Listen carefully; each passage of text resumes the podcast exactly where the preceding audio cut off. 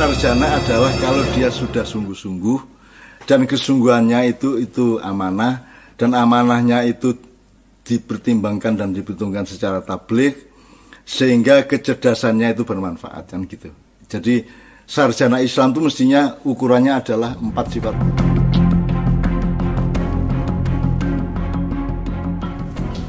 Zikrullah itu ingat Allah ya. Itu output dari kecerdasan. Sebagaimana ilmu itu outputnya ya. Makanya Islam itu adalah semesta ilmu. Tinggal kita mau menggali apa tidak, memetik apa tidak. Tapi Islam itu sendiri bukan ilmu karena dia sumbernya, dia mata airnya. Dan Islam itu sebenarnya dalam pembicaraan kita ini kita pusatkan kepada Rasulullah, kepada makhluk hidup dengan seluruh sistem yang sistem kehidupan dengan darah daging, dengan urat saraf, jiwa, perasaan, hati, kalbu, apa segala macam dalam satu kesatuan yang utuh yang lebih dari Al-Quran. Kalau Al-Quran kan tidak ada darah yang mengalir, nggak ada hati yang berdebar, tidak ada kaki yang tersandung, tidak ada telinga yang mendengar. Bagaimanapun Quran bukan makhluk hidup. Jadi Rasulullah adalah kelengkapan yang luar biasa dari Al-Quran. Rasulullah adalah Quran yang hidup. Quran melaku nak Jawa. Jadi karena kita mengajung kepada Rasulullah, kepada Nur Muhammad, kepada makhluk yang paling disayang-sayang sama Allah dan paling dilus-lus ya diuri-uri sebagai masterpiece-nya. Maka sekarang kalau kita ditanya soal zikrullah itu sebenarnya kan tadi saya ingatnya itu output dari kecerdasan.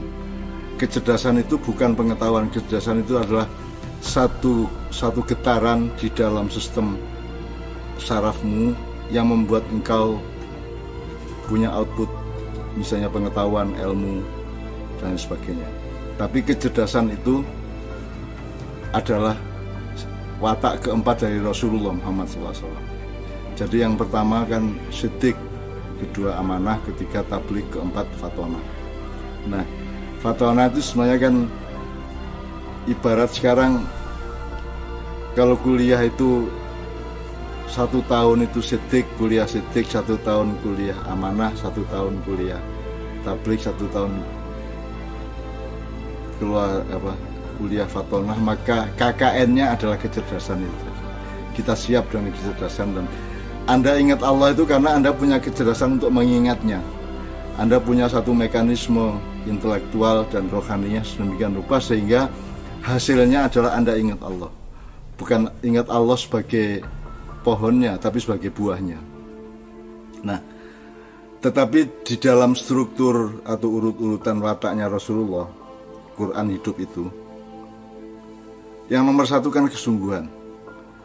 Kalau orang sekarang kan yang dikagumikan hebat pinter berkuasa kaya dan seterusnya itu semua tidak ada pada Rasulullah tidak ada artinya sama sekali tidak diutamakan. Yang diutamakan Rasulullah adalah kesungguhan hidup. Boleh kesungguhan berpikir boleh kesungguhan cinta boleh kesungguhan hati boleh kesungguhan apa pun. Tapi pokoknya kesungguhan.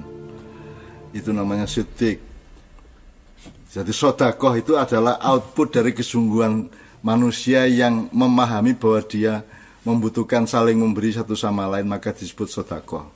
Jadi menurut saya sodakoh itu berasal dari satu famili sidik tadi. Sodakoh. Nah, sifat Rasulullah yang pertama kan bukan alim, bukan hebat, bukan aziz, bukan sakti, ya tapi sidik, yaitu kesungguhan saya kira kita bisa langsung berjerman kok. Saya kira bangsa Indonesia atau umat Islam itu kan kelemahannya kan soal kesungguhan. Ya toh, sholat tidak sungguh-sungguh menghayati sholatnya, adzan tidak sungguh-sungguh kreativitas untuk mencari alunan atau lantunan atau notasi atau apa yang yang kira-kira bisa tablik gitu ya. Semua serba meniru, semua serba taklid, serba mukolit, serba membebek serba apa namanya kalau dalam sastra namanya uh, epigon atau meniru-niru 100% ya adzan ya kiroah ya nah jadi ternyata kalau kita mau belajar dari Rasulullah tanda keislaman kita adalah nomor satu kalau kita sungguh-sungguh makan sungguh-sungguh masak sungguh-sungguh, beristri sungguh-sungguh, berkeluarga sungguh-sungguh, melakukan apa saja sungguh-sungguh. Sungguh-sungguh itu tidak harus tegang ya. Pelawak yang sungguh-sungguh itu kan bukan berarti pelawaknya terus tidak lucu, ya toh. Bermain sepak bola yang sungguh-sungguh bukan berarti dia terus tegang, dia tidak bisa ke kiri kanan oper bola. Jadi kesungguhan tolong dipahami secara tepat. Jadi nomor satu sedik, nomor dua amanah. Amanah itu adalah aplikasi kesungguhan tadi menuju kemaslahatan. Jadi saya bisa berlatih sungguh-sungguh untuk melakukan lemparan. Misalnya saya pemanah yang canggih atau saya melempar batu dengan tepat atau saya menaik saya melemparkan bola basket masuk ke lubangnya. Atau ada 50 meter orang di sana saya pakai kerikil tepat di kepalanya. Tapi kan tidak memenuhi syarat untuk amanah. Karena amanahnya batu tidak untuk dibenturkan ke kepala. Jadi jadi amanah itu adalah moralitas dari output kesungguh-sungguhan. Kita sungguh-sungguh belajar sungguh-sungguh hidup sungguh-sungguh berkeluarga sungguh-sungguh berdagang sungguh-sungguh apa. Tapi outputnya orientasinya adalah kemaslahatan sehingga kita amanah. Kalau nggak gitu nggak amanah. Amanah itu artinya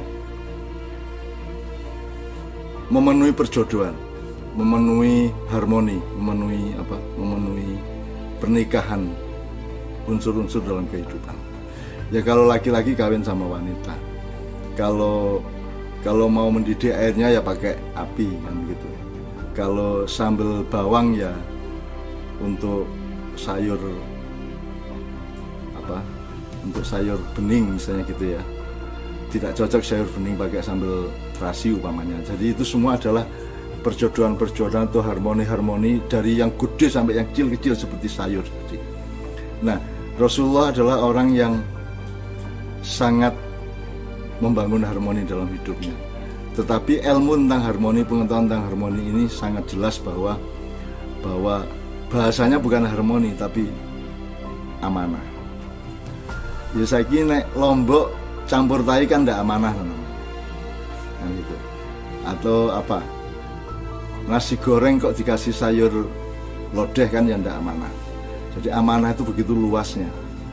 Tapi sebelum amanah harus punya yang diamanai apa? Yaitu hasil dari kesungguh-sungguhan sidik tadi setelah itu dia juga harus punya teknokrasi dan strategi yang disebut tablik tablik itu kita mungkin sudah amanah mau bersodakoh, mau menolong orang, tapi kita, kita tidak tablik, tidak punya ketepatan, tidak punya ketepatan sosial. Misalnya kita punya lembaga dana, kita punya lembaga sodako, kita punya lembaga duafa apa segala macam, tapi tidak kita sampaikan secara amanah dan tidak tablik, artinya bukan itu yang memerlukan. Yang kita kasih itu bukan tidak tepat untuk yang benar-benar memerlukan. Nah, oleh karena itu supaya bisa bisa tablik, sifat Rasulullah yang keempat adalah fatona maka diperlukan kecerdasan. Nah kalau kita tadi ngomong Islam bukan ilmu, tetapi dia adalah sumber ilmu. Dia adalah mata air ilmu. Maka mata air itu bisa dibuka, bisa dibancarkan, bisa digali, bisa dipancurkan melalui atau dengan alat yang namanya fatona, kecerdasan. Ya. Nah, zikrullah itu adalah output dari kecerdasan manusia kecerdasan itu salah satu disiplinnya adalah ingat tadi itu. Misalnya, oh ini improvisasi penyanyinya ke sini, maka gitarisnya punya kecerdasan komunikasi untuk komunikatif. Maka kecerdasan kita juga tidak tidak akan terasa. Nah, yang disebut ingat kepada Allah adalah kalau kecerdasanmu terasa. Karena kecerdasan yang mengantar, mengantarkanmu untuk ingat. Masa kamu lihat kalau jengking tidak ingat Allah? Berarti kamu tidak punya mekanisme kecerdasan. Kan gitu kan. Nah sekarang ini orang ingat Allah hanya kalau dengar adzan, kalau sholat di masjid. Gitu kan. Dan seterusnya. Maka sebenarnya pendidikan modern ini gagal dalam soal kecerdasan. Gagal dalam soal fatona. Makanya sirotol mustaqim juga tidak paham sampai sekarang. Seluruhnya itu sirotol mustaqim ya. Empat tadi itu seluruhnya itu siratal mustaqim jalan yang tidak mungkin lurus tapi berliku-liku tetapi mustaqim yaitu ditegakkan di setiap kelokan, di setiap belokan, di setiap tikungan tidak ada masalah karena hidup itu memang berliku-liku. Tapi di setiap tikungan dan kelokan itu kamu menegakkan kebenaran Allah, kamu menegakkan nilai yang sehari, menegakkan sitiknya, menegakkan amanahnya, menegakkan tabliknya, menegakkan patokannya kan. Itu namanya asirat al-mustaqim, jalannya orang yang menegakkan.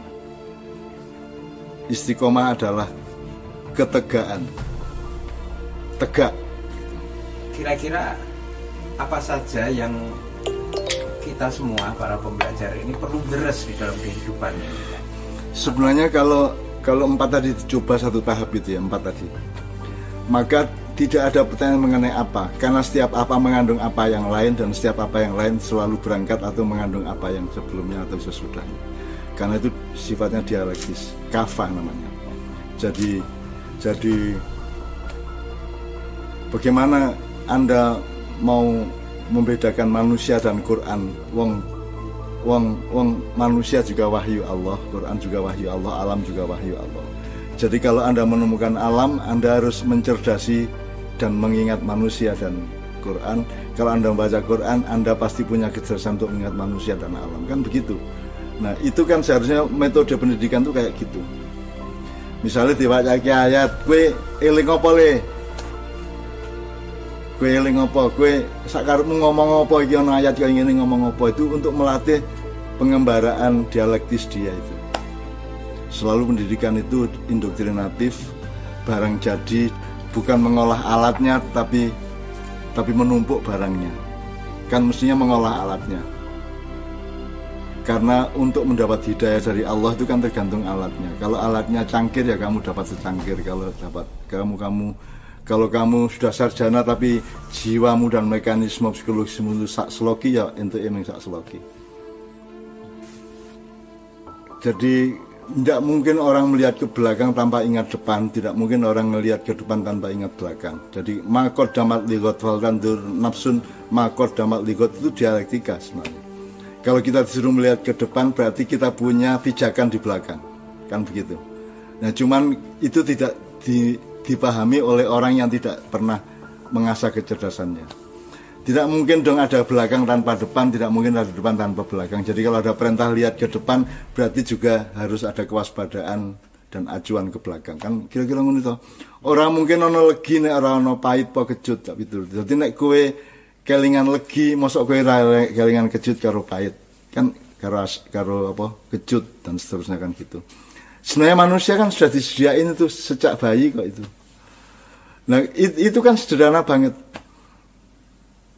Masa kamu lihat orang kaya tidak ingat orang miskin? Masa kamu lihat orang miskin tidak ingat orang kaya?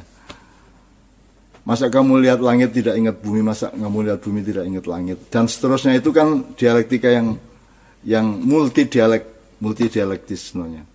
Yaitu Al-Quran, manusia dan alam.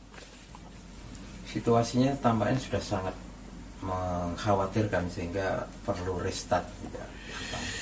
Berkenaan dengan memori pendidikan dan apa yang harus kita itu secara ilmu atau pengetahuan yang kita omongkan tadi itu sudah sangat urgen dan mengerucut sekali dan harus tapi saya kira itu tidak akan terjadi. Baik. di dunia apalagi di Indonesia. Jadi sekarang kalau kamu bangkrut kamu kaya raya terus bangkrut ya kamu pikir terus kamu kapok terhadap kekayaan. Yang kamu kapok kan bangkrutnya. Tapi kan kamu habis bangkrut kan berjuang untuk kaya lagi kan gitu. Jadi kalau sekarang orang melampiaskan nafsu, terus nafsu yang dilampiaskan itu menciptakan kehancuran. Jangan dipikir terus itu hancur. Yang hancur adalah alat nafsumu, tapi nafsumu kan tetap bisa jadi malah lebih besar. Jadi kalau kapitalisme global hancur, itu pemahamannya adalah output kapitalisme global itu hancur tetapi nafsu dan niatan bahkan ilmu untuk kapitalistik hidupnya akan tetap bangkit. Tetap. Jadi nek skala kecil ya kamu korupsi ketahuan ditangkap dihukum. Kamu pikir terus kapok korupsi. Yang kamu kapok kan ditangkapnya Itu yang menyebabkan saya mengatakan ya ya ora nek restart dunia ya ora. Itu restart untuk kerakusan baru. Restart untuk ambisi yang baru, restart untuk nafsu yang baru, restart untuk pelampiasan yang baru. Tapi sama ideologinya, landasannya sama. Makanya pelajaran kembali ke saya tadi, nomor satu adalah kesungguhan. Nah, kesungguhan itu kan bukan soal bahwa kamu itu sungguh-sungguh, tapi harus amanah.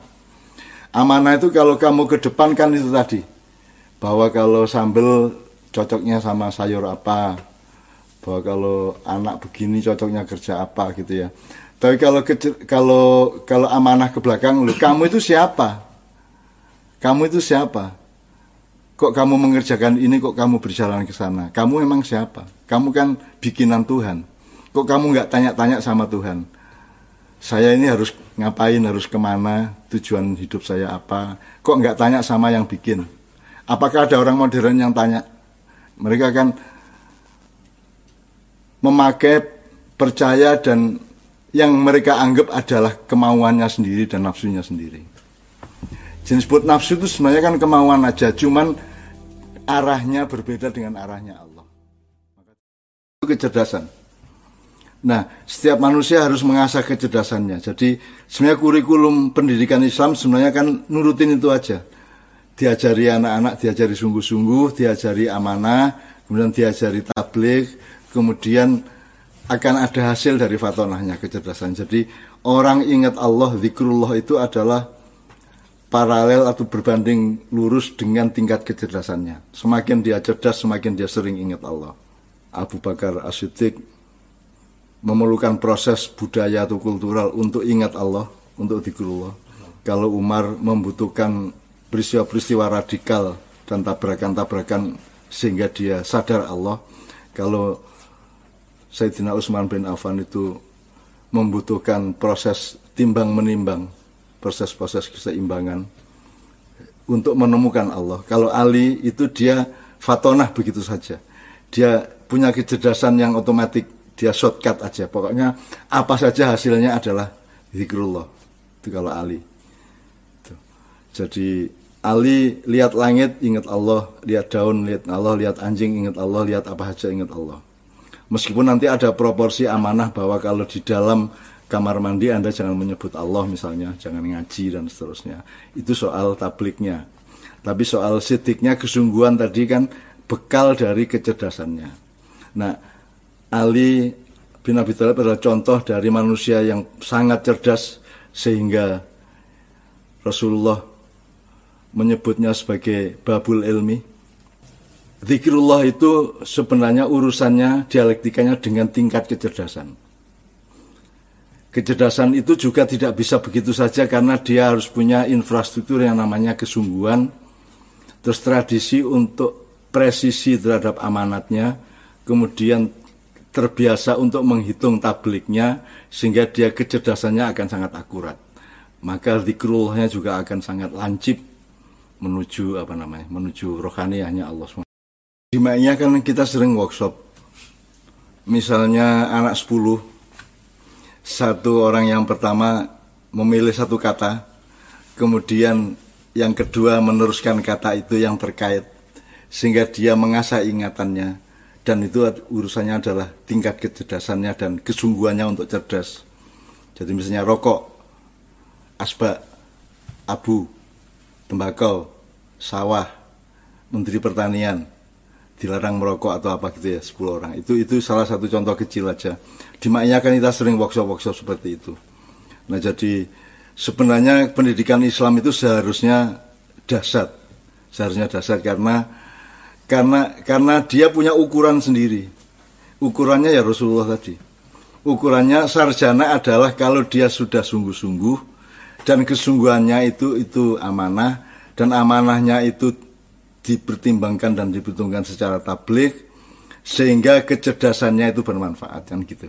Jadi sarjana Islam itu mestinya ukurannya adalah empat sifat Rasulullah tadi. Kenapa tidak gitu loh? Masa nggak bisa kita bikin kurikulum yang seperti itu? Nah, masalahnya kurikulum itu kan pengajaran selama ini. Padahal kan sebenarnya kurikulum itu bisa berarti yang lebih luas, bisa pendidik ke pendidikan, artinya apa? tidak hanya taklim tapi juga tarbiyah. Tarbiyah atau takdib. Takdib itu memberadabkan. Atau kalau tarbiyah itu menjadikan kita terdidik terus menerus untuk melakukan sesuatu dan untuk memutuskan sesuatu. Tidak hanya tahu sesuatu. Dalam Al-Quran itu uh, sering di, kita temukan ayat atau peringatan Allah yang sangat pas dalam konteks yang kita bicarakan yaitu bahwa manusia itu sering diingatkan bahwa kalian itu lalai lupa gitu, gitu. tetapi kita juga melihat di sisi lain uh, satu apa mungkin bentuknya pertanyaan. Ya uh, karena kecerdasan itu kan punya hardwarenya dan ada softwarenya. Itu kan terlam, ter, itu kan seperti hewan atau alam jadi misalnya kan kita tidak bisa bilang bahwa otak itu makhluk hidup. Yang makhluk hidup itu kan kita, manusianya. Kita tidak bisa bahwa bilang bahwa jantung itu makhluk hidup. Dia adalah bagian dari manusia yang makhluk hidup. Jadi makanya sebut seperti hewan. Jadi misalnya kalau Anda melatih, saya pernah melatih kuda. Kuda itu kalau hari ini kita ajak ke rute A, B, C, D, E, besok itu kita lepas saja dia akan ke situ lagi. Nah itulah otak kita, itulah ingatan kita, itulah software kita. Kalau tidak dilatih, dia juga tidak akan cerdas. Jadi kecerdasan itu bukan soal pengetahuan tapi soal pelatihan. Membiasakan Allah bisa karena biasa. Jadi mestinya nomor satu pendidikan Islam dan di rumah tangga Islam maupun di sekolah Islam itu adalah pendidikan kecerdasan. Dengan pengetahuan tadi itu. Dengan kecerdasan itu Nomor empat, nomor satu adalah kesungguhan. Jadi jangan lepaskan anakmu tidak sungguh-sungguh. Apa saja. Pokoknya pendidikan nomor satu bukan kelakuan baik, itu kan output. Pendidikan nomor satu adalah kesungguh-sungguhan, terus punya orientasi dalam sungguh-sungguh itu untuk apa. Begitu untuk apanya tidak tercapai berarti tidak lulus sungguh-sungguh. Kalau sudah untuk apanya jelas, maka nanti ada metodologinya, ada, teknolog ada teknologinya dan teknokrasinya bahwa untuk presisi menuju sesuatu hal itu kan ada ada strateginya, ada tekniknya itu namanya tablik. Itu yang itu yang kalau di, di kalangan kaum intelektual disebutkan sebenarnya lep, semakin intelektual seseorang semakin dia mudah dipahami kan gitu. Hmm. Tapi kan sekarang terbalik, semakin intelektual semakin sukar dipahami. Kan rumusnya kan seperti zaman Marquesot dulu di Patang Puluhan, rumusnya bukan kamu sekolah untuk dipahami, kamu sekolah itu untuk untuk memahami. Maka ketika Marquesot menginterupsi diskusi mahasiswa di Patang Puluhan, mereka kemudian terdiam semuanya karena Marquesot ngawur ngomongnya menurut mereka. Terus saya bilang loh, kue iki bagian sekolah, sing bagian pinter kok kue jaluk dipahami Marquesot sementara kue ora belajar memahami Marquesot gitu. Saya ingat kok sore-sore kok. Ada Mas Toto segala waktu itu. Jadi nah makanya Rasulullah kan tab, tablik itu artinya kamu profesor kayak apa pun kamu bisa ngomong sama tukang becak. Dan dia paham. Gitu loh. Karena ti, tingkat kecerdasanmu itu tentukan oleh persyaratan tiga tadi sidik amanah tablik baru fatona. Kalau kamu tidak akurat dan tidak kalau mentang-mentang kamu sudah profesor dokter terus kamu tidak bisa dipahami oleh seorang petani di dusun berarti kamu berarti kamu tidak melewati empat tahap tadi. Oleh karena itu orang pinter adalah sebenarnya nek, nek pinter jadi acuan ya. Orang pinter adalah orang yang seperti Nabi Sulaiman sama semut aja bisa dipahami kok. Sama burung aja bisa dipahami burung aja paham omongan Nabi Sulaiman atau apa yang dilakukan Nabi Sulaiman. Nah itu kan lambang intelektual. Sekarang kan enggak. Sekarang orang yang harus menyelesaikan diri kepada kaum intelektual, bukan kaum intelektual menyelesaikan diri kepada rakyat. Nah saya kira maknya kan di situ. Kenapa maknya sangat mudah dipahami, sangat membuat gembira sekian ribu orang setiap kali forum maknyahan. Karena kita bekalnya adalah sungguh-sungguh bermaknya. Nomor dua, kita harus punya orientasi amanah dan tidak ada tidak ada melanggar arahnya amanah tadi. Kemudian kita juga berpikir keras untuk supaya tablik. Kan gitu. Kalau ada Mirel ngomongnya gimana, temanya apa, retorikanya bagaimana, kalau ada kalau ada kiai ngomongnya gimana segala macam itu semua kan tablik gitu ya. Nah, kalau tidak terlatih, kalau tidak terpenuhi persyaratan untuk sungguh-sungguh sedik dan untuk amanah hatinya setia kepada nilainya dan tidak terlatih untuk tablik komunikasi untuk komunikatif, maka kecerdasan kita juga tidak tidak akan terasa. Nah, yang disebut ingat kepada Allah adalah kalau kecerdasanmu terasa. Karena kecerdasan yang mengantar, mengantarkanmu untuk ingat. Komunikasi untuk komunikatif. Maka kecerdasan kita juga tidak tidak akan terasa. Nah, yang disebut ingat kepada Allah adalah kalau kecerdasanmu terasa. Karena kecerdasan yang mengantar, mengantarkanmu untuk ingat. Masa kamu lihat kalau jengking tidak ingat Allah, berarti kamu tidak punya mekanisme kecerdasan. Kan gitu kan. Nah sekarang ini orang ingat Allah hanya kalau dengar adzan, kalau sholat di masjid, gitu kan, dan seterusnya. Maka sebenarnya pendidikan modern ini gagal dalam soal kecerdasan, gagal dalam soal fatona. Makanya sirotol mustaqim juga tidak paham sampai sekarang. Seluruhnya itu sirotol mustaqim, Hel. Empat tadi itu seluruhnya itu siratal mustaqim jalan yang tidak mungkin lurus tapi berliku-liku tetapi mustaqim yaitu ditegakkan di setiap kelokan di setiap belokan di setiap tikungan tidak ada masalah karena hidup itu memang berliku-liku tapi di setiap tikungan dan kelokan itu kamu menegakkan kebenaran Allah. Kamu menegakkan nilai yang sehari menegakkan sitiknya menegakkan amanahnya menegakkan tabliknya menegakkan patohnya kan? Itu namanya asirat al-mustaqim. Jalannya orang yang menegakkan. Istiqomah adalah ketegaan. Tegak gitu. kira-kira apa saja yang kita semua para pembelajar ini perlu beres di dalam kehidupan ini sebenarnya kalau kalau empat tadi dicoba satu tahap itu ya empat tadi. Maka tidak ada pertanyaan mengenai apa. Karena setiap apa mengandung apa yang lain dan setiap apa yang lain selalu berangkat atau mengandung apa yang sebelumnya atau sesudahnya. Karena itu sifatnya dialektis kafah namanya. Jadi jadi bagaimana anda mau membedakan manusia dan Quran. Wong wong wong manusia juga wahyu Allah Quran juga wahyu Allah alam juga wahyu Allah.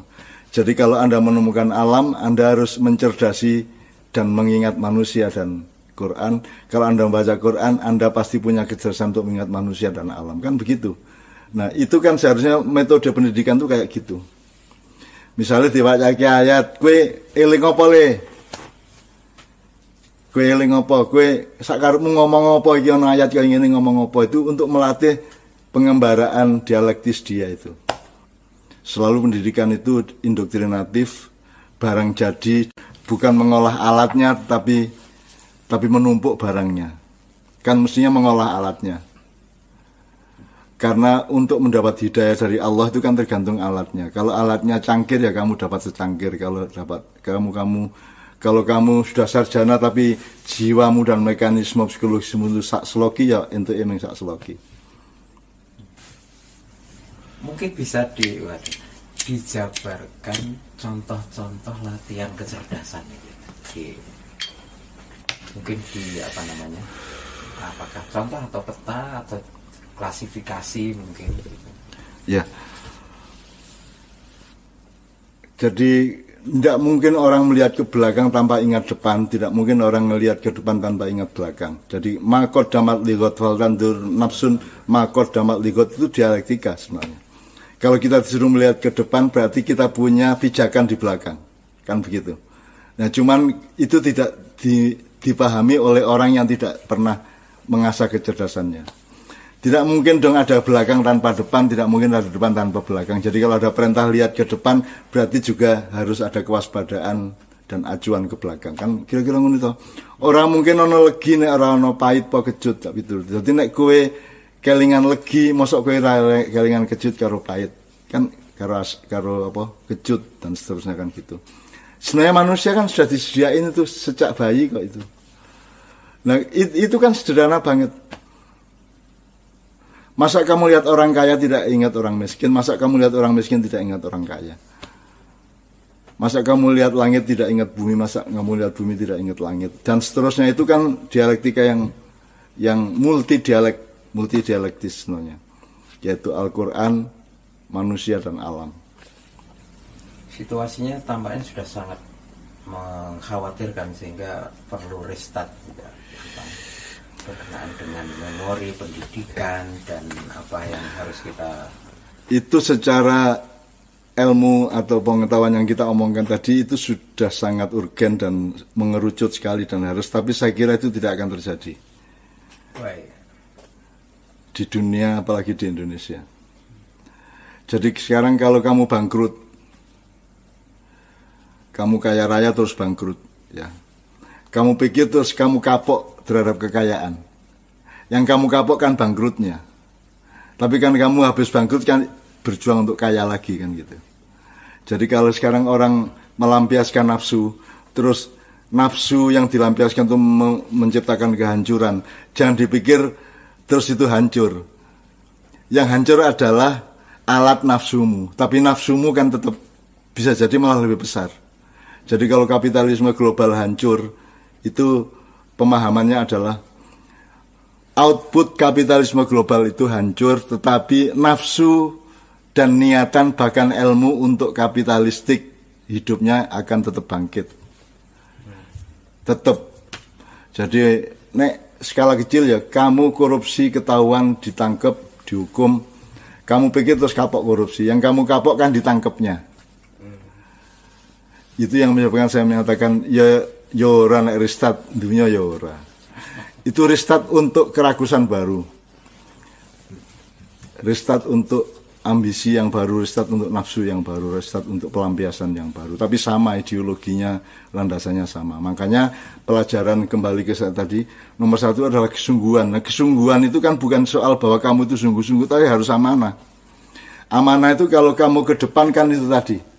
Bahwa kalau sambel cocoknya sama sayur apa bahwa kalau anak begini cocoknya kerja apa gitu ya. Tapi kalau kalau kalau amanah ke belakang lu kamu itu siapa? Kamu itu siapa? Kok kamu mengerjakan ini kok kamu berjalan ke sana? Kamu emang siapa? Kamu kan bikinan Tuhan. Kok kamu nggak tanya-tanya sama Tuhan? Saya ini harus ngapain harus ke mana? Tujuan hidup saya apa? Kok nggak tanya sama yang bikin? Apakah ada orang modern yang tanya mereka akan memakai percaya dan yang mereka anggap adalah kemauannya sendiri dan nafsunya sendiri. Jenis buat nafsu itu sebenarnya kan kemauan aja, cuman arahnya berbeda dengan arahnya.